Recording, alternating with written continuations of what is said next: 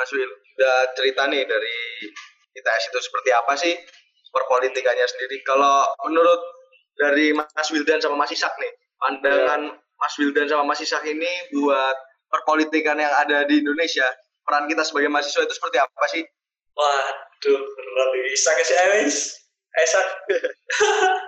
Sebenarnya yang memang core of the core-nya itu kalau kita sebagai mahasiswa kan kalau secara sistematis sih kita harus lewat uh, BEM ITS dulu, seenggaknya mengeskalasikan sebagai KM ITS baru ke Indonesia kurang lebih kayak gitu. Nah, dari itu core of the core-nya memang di BEM ITS-nya sendiri itu memang harus diperkuat mengenai uh, ranahnya dia tentang profesionalis profesinya dia yang sebagai harusnya dalam memegang sosial politik di mana kebanyakan itu porsinya artinya fokusannya lebih ke sosial politik gimana gimana sikap yang kita ambil terus apa yang kita lakukan itu memang harusnya memang difokuskan untuk mempengaruhi kebijakan dari pemerintah yang dirasa memang perlu e, dirasa memang kurang dikaji atau memang e, salah untuk di apa namanya diambil oleh pemerintah ya kan kurang lebih. Ya seperti itu. Maksudnya kita kan dalam koridor yang masih baik sih maksudnya uh, kalau kita mau dalam koridor yang baik seperti itu gitu. dan memang kalau dari urgensi uh, untuk melakukan perubahan yang besar tergantung lagi tergantung pada momen-momen momen-momen uh, momentum-momentum memang yang yang terjadi di Indonesia sih maksudnya kalau nggak ada yang terlalu apa namanya uh, peristiwa yang terlalu mengganggu hajat hidup orang banyak ya otomatis euforia kita untuk bergerak itu biasanya itu kurang kurang kurang terasa gitu jadi banyak mahasiswa bakalan uh, nggak uh, mau atau kurang ingin untuk bergerak gitu. tapi kurang lebihnya kalau memang kita sebagai mahasiswa sih tetap harus uh, tidak apatis dalam artian kita harus tetap sadar dalam hal apa pun kita harus tetap peka kita harus tetap merasa bahwa kita ini memang eh, lima uh, persen dari seluruh pemuda satu persen dari seluruh Indonesia. Kita harus merasa beruntung bisa berkuliah memiliki intelektual yang baik bisa dilatih bisa dikader. Bahkan kita harus bersyukur atas itu. Dan kita bisa setidaknya kita ini harus tahu bahwa kita ini memang uh, apa namanya harapan seluruh apa namanya penduduk Indonesia bahwa kita ini bakalan yang jadi tonggak lah nanti ke depan bakalan memimpin Indonesia. Itu kita seenggaknya harus sadar dulu. Sadar akan banyak hal terlebih dahulu ya benar benar saya Isak sih. Sebenarnya uh, kalau kita bicara mahasiswa itu karena kita anak teknik ya pasti uh, kalau mau paham soal politik atau mengerti lah atau update soal pemerintahan seperti apa itu sangat jarang ya biasanya teman mahasiswa terutama mahasiswa ITS ini. Nah, benar kata Isak ya jangan sampai apatis lah harus tahu kondisi negara saat ini seperti apa, kondisi pemerintah saat ini seperti apa, tetap update, nggak boleh uh, apatis. Dan update-nya pun dari data-data yang valid, seperti itu. Dan gunakanlah uh, dalam bermedia sosial itu yang bijak. Jangan sampai apa namanya terjerat kas apa namanya undang-undang ITE ataupun hal-hal uh, yang sifatnya itu melecehkan atau sifatnya itu menghina itu jangan sampai seperti itu. Jadi gunakan cara-cara yang yang apa ya bagus lah yang unik lah untuk mengkritik pemerintah mungkin kalau ingin tahu politika di Indonesia ini.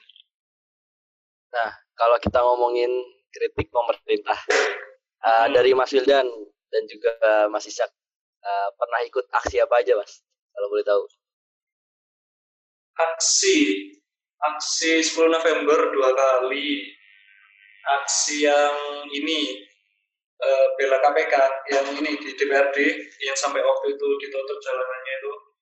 Oke, ada reformasi RUU, KPK itu. Nah, benar ada RUU RUU korupsi ya korupsi baru itu terus satu lagi itu waktu di mana sih kak lupa tadi pokoknya ada satu lagi tetap berarti dua kali ya saya ngomong no demo ngomong no aksi kalau yang ASN kan lebih aksi 10 November kan lebih ke peringatan Iya, peringatan.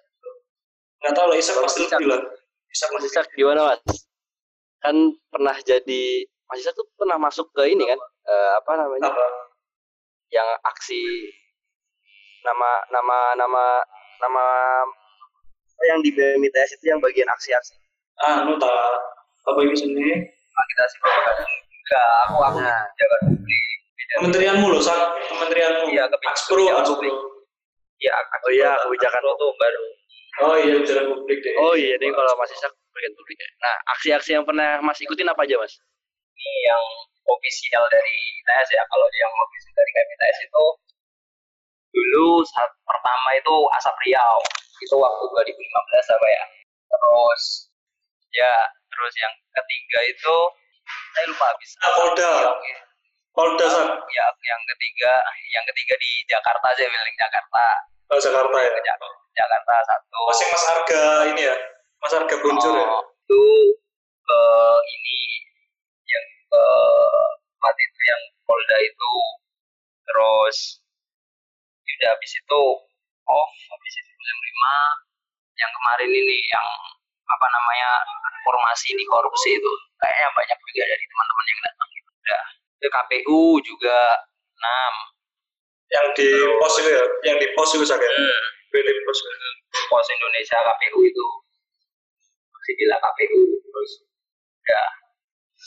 Mas Isak ternyata aktif aktivis sekali ya di pergerakan politik yang ada di Indonesia ini ya. banget kalau Isak banget kok iso banget Isak itu Eh, Mas Isak mungkin bisa ceritain mbak eh, yang nggak official apa nih? Tadi kan sempat disebut nih nggak official nih. Apa nih yang nggak official nih? nggak nggak nggak ada sih maksudnya ya kadang cuma datang Kok doang, nggak terus ada, Mas? lihat doang nggak ada nggak ada Mas saya tuh selalu membawa diri sebagai seseorang yang memang ideal gitu yang sesuai jalannya jadi kalau mau aksi harus lewat Mister dulu harus lewat bukat dulu gitu, harus lewat mekanisme di ITS lah Semuanya official nih Mas. official official enam itu official Eh, gimana Mas Isak? Kan tadi banyak ikut aksi-aksi tuh.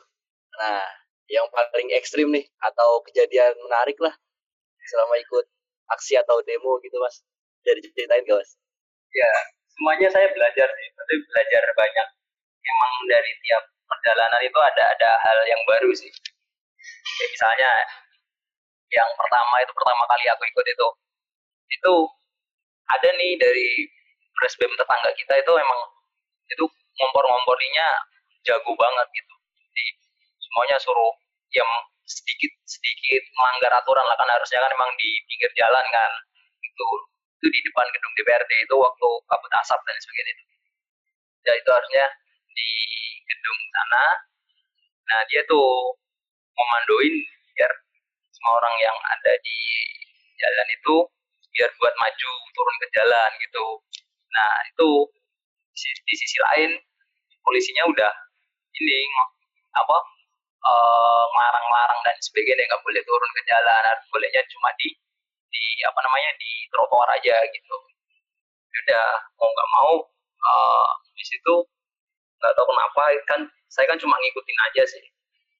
Habis itu eh, diseberangin malahan sama ini karena emang kita turun ke jalan kan habis itu diseberangin sama sama pak polisinya gitu. Padahal komandonya itu kita stay di jalan aja biar biar memang niatnya itu bikin eh, kemacetan dan lain sebagainya. Tapi malah sama polisi diseberangin ke ke seberang jalan gitu Loh, jadi kita di tujuannya bikin kemacetan sak iya memang orang turun ke jalan itu biar dapat perhatian biar, biar mengganggu ketertiban umum biar dapat perhatian sama pemegang kekuasaan. Kurang lebihnya emang emang itu kayak kotornya kotornya kayak gitu sih.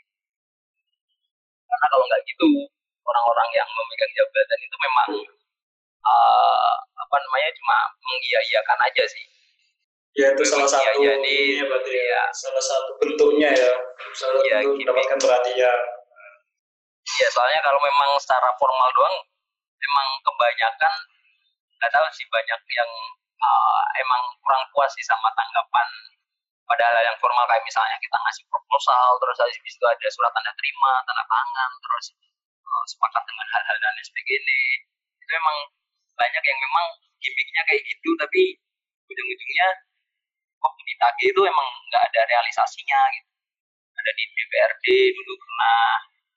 Gitu soal apa ya lupa itu.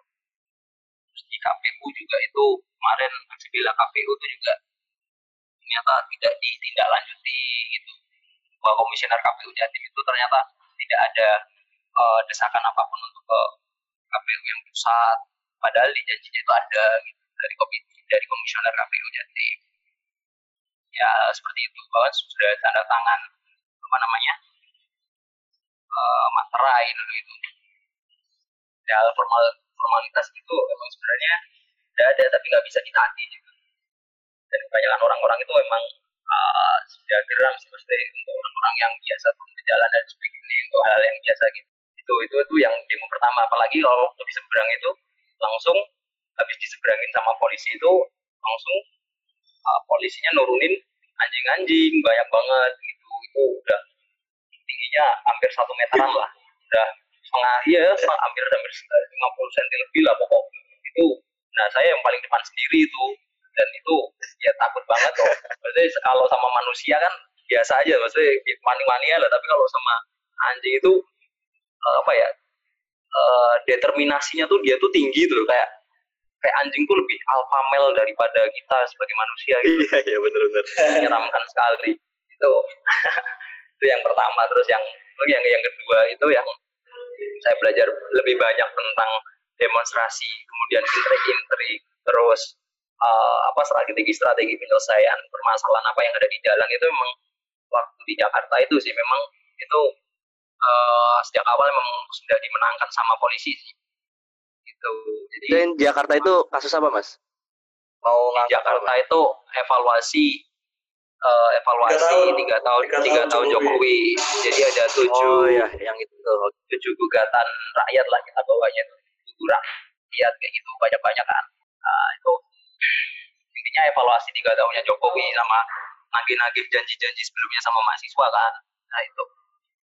Nah itu waktu itu kan emang uh, apa planningnya kan nggak tahu sih emang kurang matang atau gimana tapi kita tuh diem di sana. Jadi emang polos banget. Rencana kita itu habis semua acara selesai dan pagelaran dan lain sebagainya pertunjukan orasi-orasi selesai mau nggak mau kita harus stay di sana sampai Jokowi mau nemuin. Udah plannya itu doang gitu. Dengan polosnya kayak gitu. Ya udah habis itu kita lakuin itu dan ternyata emang polisi juga ini nungguin nungguin sampai bener-bener malam gitu. Jadi kalau di polisi kan emang aturan aturan Kapolri ya ini ya. Atau ini ini masih juga perdebatan di banyak kalangan. Itu aturan Polri itu Kapolri Kapolri itu mengeluarkan aturan bahwa demonstrasi maksimal pukul 6 sore itu jadi berlaku di seluruh Indonesia kayak gitu. Itu ada kapol uh, aturan Kapolri yang di mana itu juga bertentangan sama apa yang kita bawa itu bawa kebebasan untuk berekspresi kebebasan untuk menyuarakan pendapat itu ada di UUD 45 gitu. Nah itu masih jadi perdebatan yang benar yang mana gitu. Udah sampai malam kita stay di depan ini nunggu ini nunggu apa namanya presiden datang ternyata sampai sampai gitu. Udah ketemu sama perwakilannya katanya juga uh, sama perwakilannya aja dan sebagainya terus nggak mau mahasiswa maunya sama presiden pokok udah tunggu sampai malam.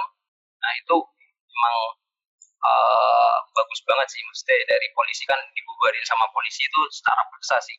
Jadi awalnya uh, barisan kita itu emang di, di, di desa. Awalnya uh, apa bendera-bendera itu ditarik sama polisi. Habis itu habis bendera tarik polisi kita nggak punya uh, senjata apa senjata apa pun atau pegangan apa pun. Habis itu ya udah tengah malam itu ketika jalanan itu udah ditutup dari semua semua pihak. Jadi di dalamnya cuma ada wartawan polisi sama mahasiswa doang. Udah mulai dari reserse itu manas-manasi ngata-ngatain yang bilang aja semua lu kecil aja kecil gitu. Gitu kan udah pulang aja ya panas-panas ya, dari polisi ngeluarin polisi udara itu banyak banget. Kita dikepung semuanya jalan ditutup. Bener-bener semua jalan ditutup nggak ada akses buat uh, istilahnya warga lain atau saksi lain itu buat melihat apa yang terjadi yang terjadi di sana. Benar-benar terisolasi di depan gedung apa namanya gedung RI itu. Terus udah kita didesak di sana di polisinya maju semuanya. Itu udah meledak ke mana-mana ambiar ke mana-mana terus apa apa ininya pisah ke mana-mana. Jadi kita lari berserak-serakan kayak gitu ke mana-mana. Pasti kalau orang-orang orang udah baris itu kan udah penuh sih ya. Habis itu apalagi didorong dari semua arah. Ayo ambiar sih. Ya udah gitu dorong dorongan sambil dipukul-pukul gitu sana ada yang pakai pentungan ada yang ini lempar batu juga dari dalam mana itu dalam monas bawa batu gitu. Ada itu juga mahasiswa mas? yang lempar batu itu mahasiswa bukan? Kan yang lewat batu ya polisi kita sama mahasiswa panik lah kita mahasiswa panik semua cuma pengen lari aja pokoknya. Habis jadi habis habis pecah itu habis didorong dorong sampai pecah sendiri sendiri ya udah mahasiswa pada lari berjajaran nah itu dilempar batu dari ini dari dalam monas itu. Larinya ke mana? Larinya ya asal menjauh dari polisi aja. Asal menjauh dari polisi uh, sampai masyarakat kena kepalanya kena itu itu lemparan batu itu. Cukup gede juga itu dari dalam monas kan ada tamannya tuh ya itu dilempar-lempar batu polisi dari sana. Oh dari tes ada korbannya mas? Iya itu waktu itu Mas Arga itu emang kepalanya kena batu dia atau kena ini uh, iya kena batu deh kena batu kayak kena batu. Itu nah, kalau di ditonjok-tonjok di apa ditonjok-tonjokin sih semuanya kayaknya kena deh mas sendiri juga mas sendiri juga kena tonjok ya, juga kena pukul juga. Kena kan bisa yang nonjok bisa. bisa ya? Kan kan di depan sih ya mesti kena kena pertama ini kemarin. Sudah. Terus tapi lagi kondisi lagi kondisi aku mau nanya mas lagi kondisi kayak gitu uh, media itu kan ada di situ. Cuman setahu aku kayaknya uh, nggak ada berita yang waktu tiga tahun itu kayaknya nggak ada berita sampai dipukulin mahasiswanya atau ada batu yang dilempar juga sampai ada korban. Kayaknya sih paling waktu itu berakhir ricu udah gitu doang gitu. Kalau dari mas sendiri yang ada di tempat itu emang medianya waktu itu nggak dibolehin meliput atau gimana mas? ya kayaknya ada semua itu Trans TV terus Trans ya Trans Trans 7 terus ada ini TV sama TV One juga itu kayaknya ada yang satu update di TV One apa ya? Saya ingat itu tuh kemarin uh, dia dia nayangin TV One itu nayangin tapi cuma sepotong aja kayak kayak breaking news doang. Jadi berita lima menit ya dia cuma nampilin cuma eh, semenit kurang lah apa yang terjadi di lapangan. Dan itu di berita yang diangkat itu emang emang terlalu satu apa namanya satu sudut pandang sih. Gitu. Berarti uh, berarti dari medianya sendiri uh, ibaratnya tidak memberikan gambaran yang sebenarnya terjadi terjadi di lapangan ya lebih ke uh, dari media sendiri juga meminimalisir uh, berita yang ditampilkan gitu ya mas ya paling ya mereka menampilin tapi cuma uh, porsinya itu kecil banget gitu Oke. Okay, itu okay. sih yang yang kemarin terlihat itu bener mereka nampilin tapi cuma lima menit, semenit gitu doang dari apa yang terjadi di lapangan. Di situ kalau gitu kemarin kita rame kok mas teh sempat banyak yang trending juga itu anak-anak sampai plan itu ngapus-ngapus banyak hal gitu-gitu kan banyak ya, yang ya. diciduk tuh di itu. Uh. Ya, ya, oh, ya. setelah kasus itu juga banyak yang diciduk juga, Mas? Enggak, kan waktu itu kan dia nyiduk, asal nyiduk sih polisi itu kemarin. ya udah habis itu kan itu kita protesin semua sih sampai viral banyak banget itu. Setelah itu baru aksi yang itu, Mas. Hmm, habis itu ada aksi lanjutan yang aksi di Kapolri. Di Polda itu ya, di Polda itu saya. Iya dulu habis itu langsung ada ini follow upnya di dua minggu atau seminggu setelahnya itu aksi solidaritas. Habis di apa di media sosial tuh emang udah viral banyak banget udah itu sih uh, itu sampai juga keciduk gak sih mas itu mau mau mencidukkan diri tapi enggan jadi gampang kok kalau kamu mau keciduk mencidukkan diri gimana gimana ceritain dong iya, cidukkan diri Soalnya di, kemarin itu ada salah satu Gimana, korban yang Mas? keciduk. Jadi ada salah satu korban yang keciduk itu ya ya biasa aja gitu loh. Tinggal dia cuma di dekatnya polisi. Habis itu polisinya hidup dia doang gitu. Jadi manggil dia sini deh, si- sini sini sini sini. Ya udah, bocahnya itu dia datang. Habis itu disuruh ikut ke mobil polisi. Udah gitu doang. Gampang banget keciduk gitu. Oh berarti menciduknya itu bukan karena dia itu provokator kah atau karena dia itu Emang. melakukan kekerasan itu tapi emang Memang ya random aja gitu mas. ada ada satu dua orang yang memang itu memang korlapnya gitu memang jadi sasaran sasaran ciduk gitu yang lain mah cuma random doang tapi ya itu masalahnya menciduk, diri loh. Saya masih tertarik dengan kata mencidukkan diri. Karena itu prestasi buat orang-orang yang turun ke jalan Oke. diri ya Prestasi. itu konsekuensinya kan apa sebelum keciduk itu mukanya masih bersih keluar dari cidukan ya itu udah bonyok gitu mukanya semuanya nggak tahu udah diapain itu itu Oh oke ya itu udah sama-sama tahu lah ya diapain. Eh, anarkis sekali berarti mas ya. Kalau di Indonesia ini kalau kita ngelakuin demo ya mas ya. nggak tahu sih paling itu pandangan pandangan eh, kita aja sih tapi kalau teman-teman lihat di Perancis itu di mana pusatnya anarkis itu lebih anarkis Di- di- ketika aja tem- teman-teman demonstrasi di Perancis itu oh, itu sangat-sangat menginspirasi kalau buat orang-orang turun ke jalan Inspirasi dari. Kita sama-sama tahu lah berarti Mas Isak ini arahnya ke mana gitu ya. Iya, bisa disimpulkan lah ya dari sana. Jangan-jangan ini di, apa badannya Mas Isak ini ada tato A-nya ini yang kayak waktu itu ketangkep. jangan salah itu juga teman teman seperjuangan itu teman ya teman kopi kopian gitu. saling Oh, kenal aja beneran ini mas. Enggak. Kalau itu mau organisasi obrok-obrok itu yang apalagi yang ini yang maling helm itu, wah, itu apalagi itu.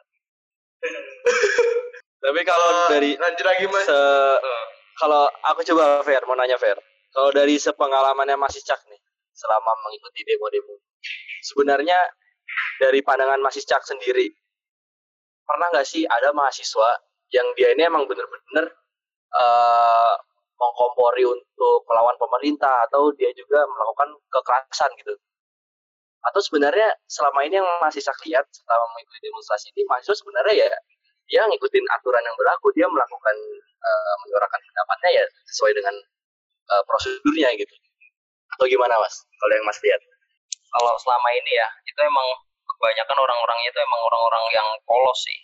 Dalam artian emang nggak nggak banyak yang rusuh. Kalaupun rusuh itu juga karena emosi di tempat dan memang bukan dari bagian dari perencanaan. Gitu. Tapi sekarang udah mulai apa yang nggak tahu sih ada ada ada kalau di di tingkat mahasiswa sih nggak nggak terlalu banyak sih kecuali kalau orang-orang yang memang takutnya yang kayak gitu tuh terjadi ketika emang orang-orang itu orang-orang yang lama itu pelaku-pelaku karena pelaku-pelaku orang-orang lama memang berpengaruh juga sama pengalaman karena ya memang nggak nggak sedikit yang yang cuma ngasih janji-janji palsu gitu.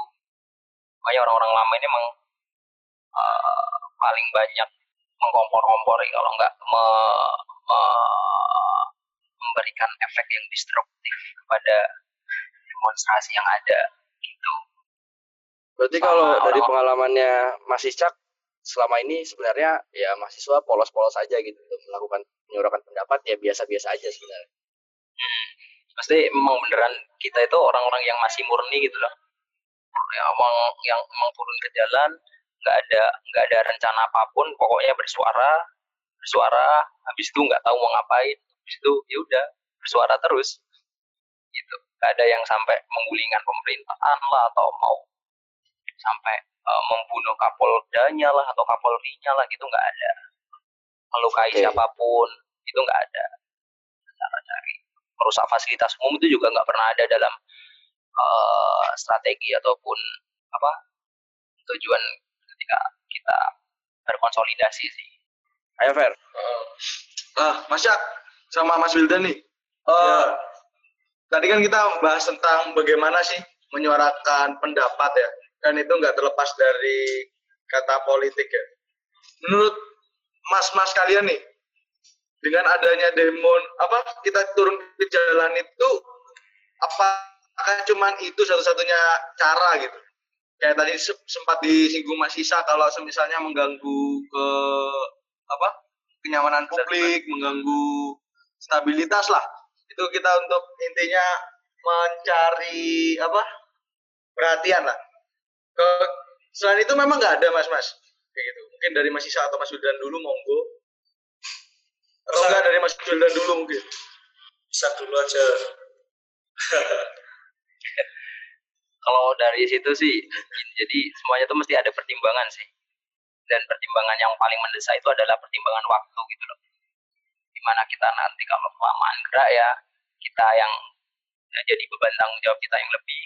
Kita kalau uh, tergesa-gesa gerak juga kita juga perencanaannya kadang belum mateng kurang lebih kayak gitu. Itu untuk, untuk penentuan uh, jadi berdasarkan waktu aja sih. Itu. Kalau kalau kalau dari sisi lain sih uh, cara lain ya otomatis lewat jalur yang benar. Dalam artian tunggu tunggu tunggu kita kita nanti uh, jabat nanti di atas habis itu kita melakukan sesuatu yang benar gitu. Ya ubah sistem dari sistemnya gitu. Wah, tapi kan enggak lama sekali ya itu makanya kan kalau enggak itu ya atau apa Will? Uh, sebenarnya ini uh, Samandu ada langkah-langkah yang memang harus ditempuh dulu di awal. Jadi cara-cara yang biasa melalui kritikan disampaikan secara langsung. Nah, maksudnya ini saya langsung tidak melalui ini ya kayak demo gitu enggak. Kemudian bertahap setelah itu berikan surat terbuka petisi mungkin atau apa. Kalau masih nggak didengar, perwakilan biasanya perwakilan dari orang yang ini menyampaikan pendapatnya. Kan ada protokol-protokol yang harus dicapai kan. Contoh kalau sasarannya gubernur ya berarti harus menghubungi tim protokolnya itu tujuannya utama apa audiensi lawan kalau masih nggak didengar lagi atau nggak tadi baru bisa berjalan jadi memang ada step-stepnya nggak yang tiba-tiba langsung berjalan dan caranya memang banyak harus berjalan juga. Ya kayak di kalau dibicara di ITS ya salah satu contohnya kayak nulis-nulis nempel-nempel atau apa itu kan salah satu bentuknya ya. Statusnya seperti itu.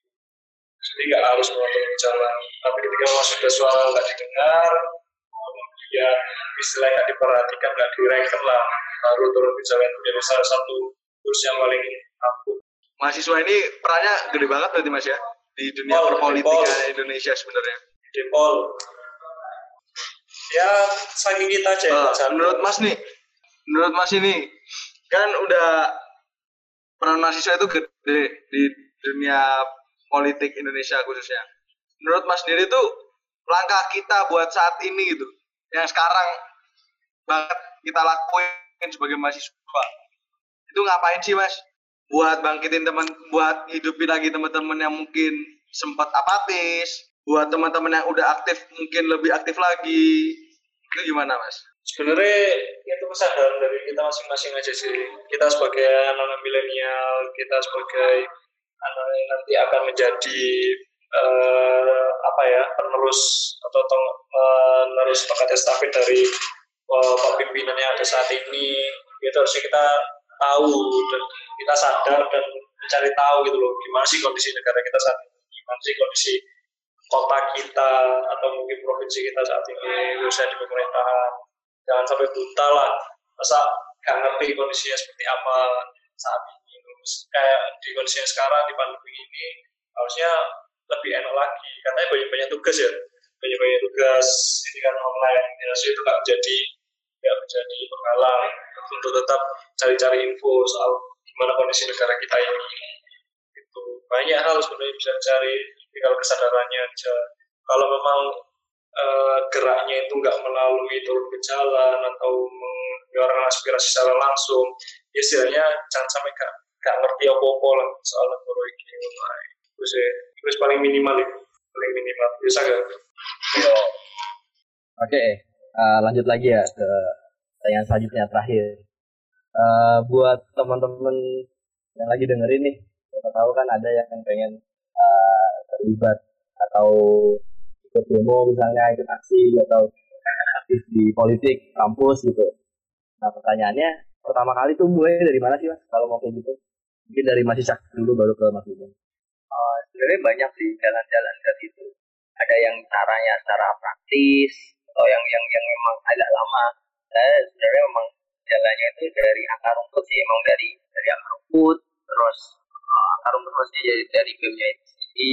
Saya memang jalan mulai benar-benar apa ya? Ya dulu tuh modal saya cuma sadar aja bahwa saya mau kontribusi, saya merasa mahasiswa dan mau kontribusi kayak gitu. Tapi sejak, sejak saya masuk ke terus kegiatan publik kita mau banyak uh, yang terbukakan gitu. Dalam artian ada yang lebih memotivasi diri, juga ada yang lebih membukakan jalan untuk belajar tentang uh, politik itu apa, seperti apa, dan bagaimana kita bisa mendapatkan politik, bagaimana kita bisa mengangkat politik, juga gitu juga. Nah, itu sih kalau emang mau yang secara apa struktural dari yang ada di ITS-nya sendiri itu uh, paling paling biasa itu emang beneran lewat ini lewat lewat lewat ITS kalau enggak ya teman-teman bikin aja tuh di, di di komunitas sini maksudnya dalam artian di jurusan masing-masing yang memang urusannya sama riset profesian yang memang itu baik dan memang harus diobarkan dengan baik jadi enggak sangat-sangat berkontribusi gitu loh. Dan banyak juga sih yang lewat jalan apa jalur-jalur praktis dan banyak orang yang praktis itu emang ujung-ujungnya apa ya kurang bijak lah. Lah kayak gitu dalam melakukan sesuatu dan sebagainya. Jadi kalau dari mahasiswa sendiri salah satu caranya dengan masuk ke BMITS atau lewat komunitas-komunitas uh, yang nanti bisa lanjut ke sana gitu ya kalau enggak ya komunitas yang sekitaran sini aja banyak kok. Ada apa aja tuh Mas yang Mas tahu?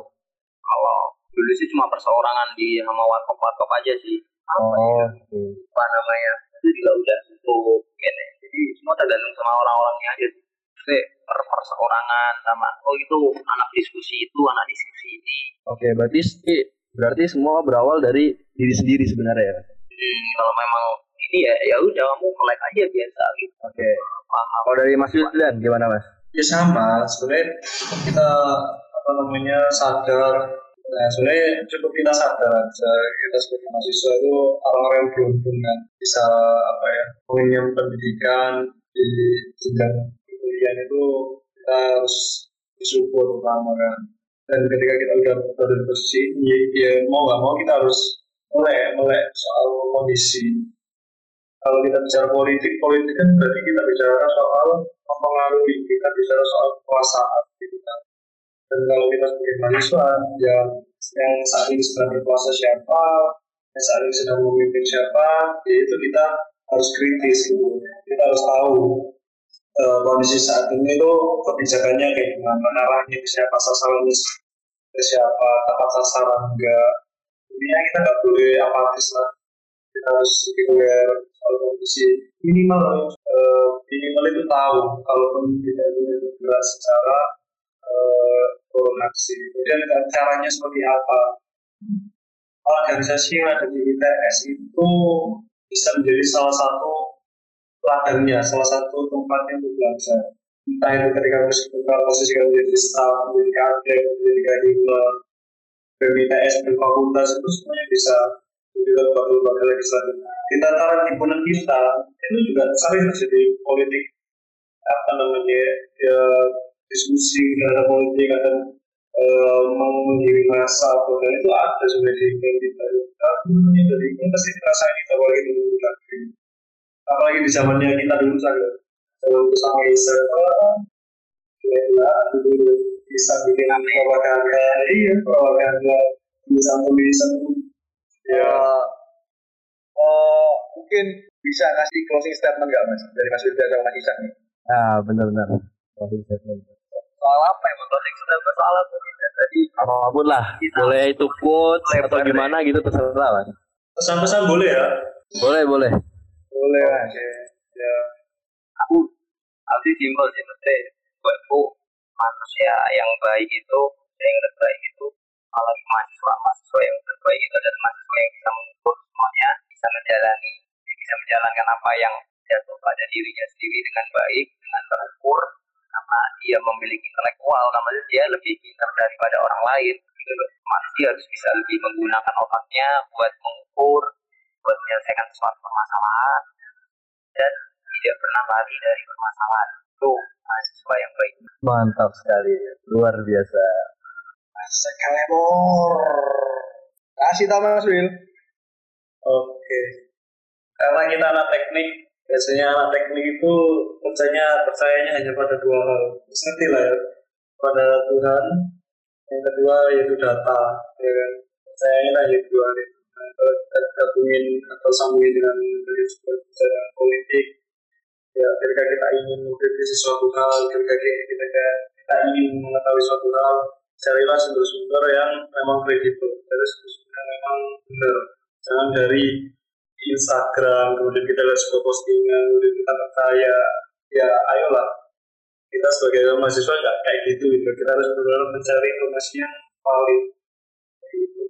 Ya sekarang ini kalau kita bicara media kan, kalau saya kalau saya jarang melihat kayak postingan IG kemudian aku percaya di lain atau apa aku jarang percaya tapi yang aku percaya adalah postingan-postingan ataupun tampilan-tampilan seperti di narasi mungkin di mata najwa langsung kan. Seorang presiden ngomong seorang ini langsung ngomong live kayak gitu. Di ILC mungkin. Kita akhirnya tahu gimana eh, pendapat-pendapat dari orangnya langsung tidak tidak melalui sebuah media. Gitu. jadi kalau menurutku itu tadi pesanku siswa mahasiswa harus pintar jangan langsung dapat informasi langsung telan tapi telah dulu karena saat ini banyak informasi yang terus berkembang di media sosial. itu itu aja Oke. Ya, mantap sekali Mas Wildan dan Mas Mantap Ishak. sekali, Mas.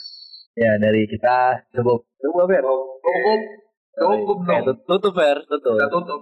Tutup. Ya, terima kasih buat Mas Isak dan Mas Wildan yang sudah menyempatkan sama-sama hadir. sama-sama Eh, kami dari Cuk, Anco. ya sekian dan terima kasih. Semoga bermanfaat Mas ya. amin amin. Terima kasih amin guys. amin terima amin. kasih. Terima kasih. Sudah mengundang. Iya. Dua orang yang masih belajar juga. Iya enggak nih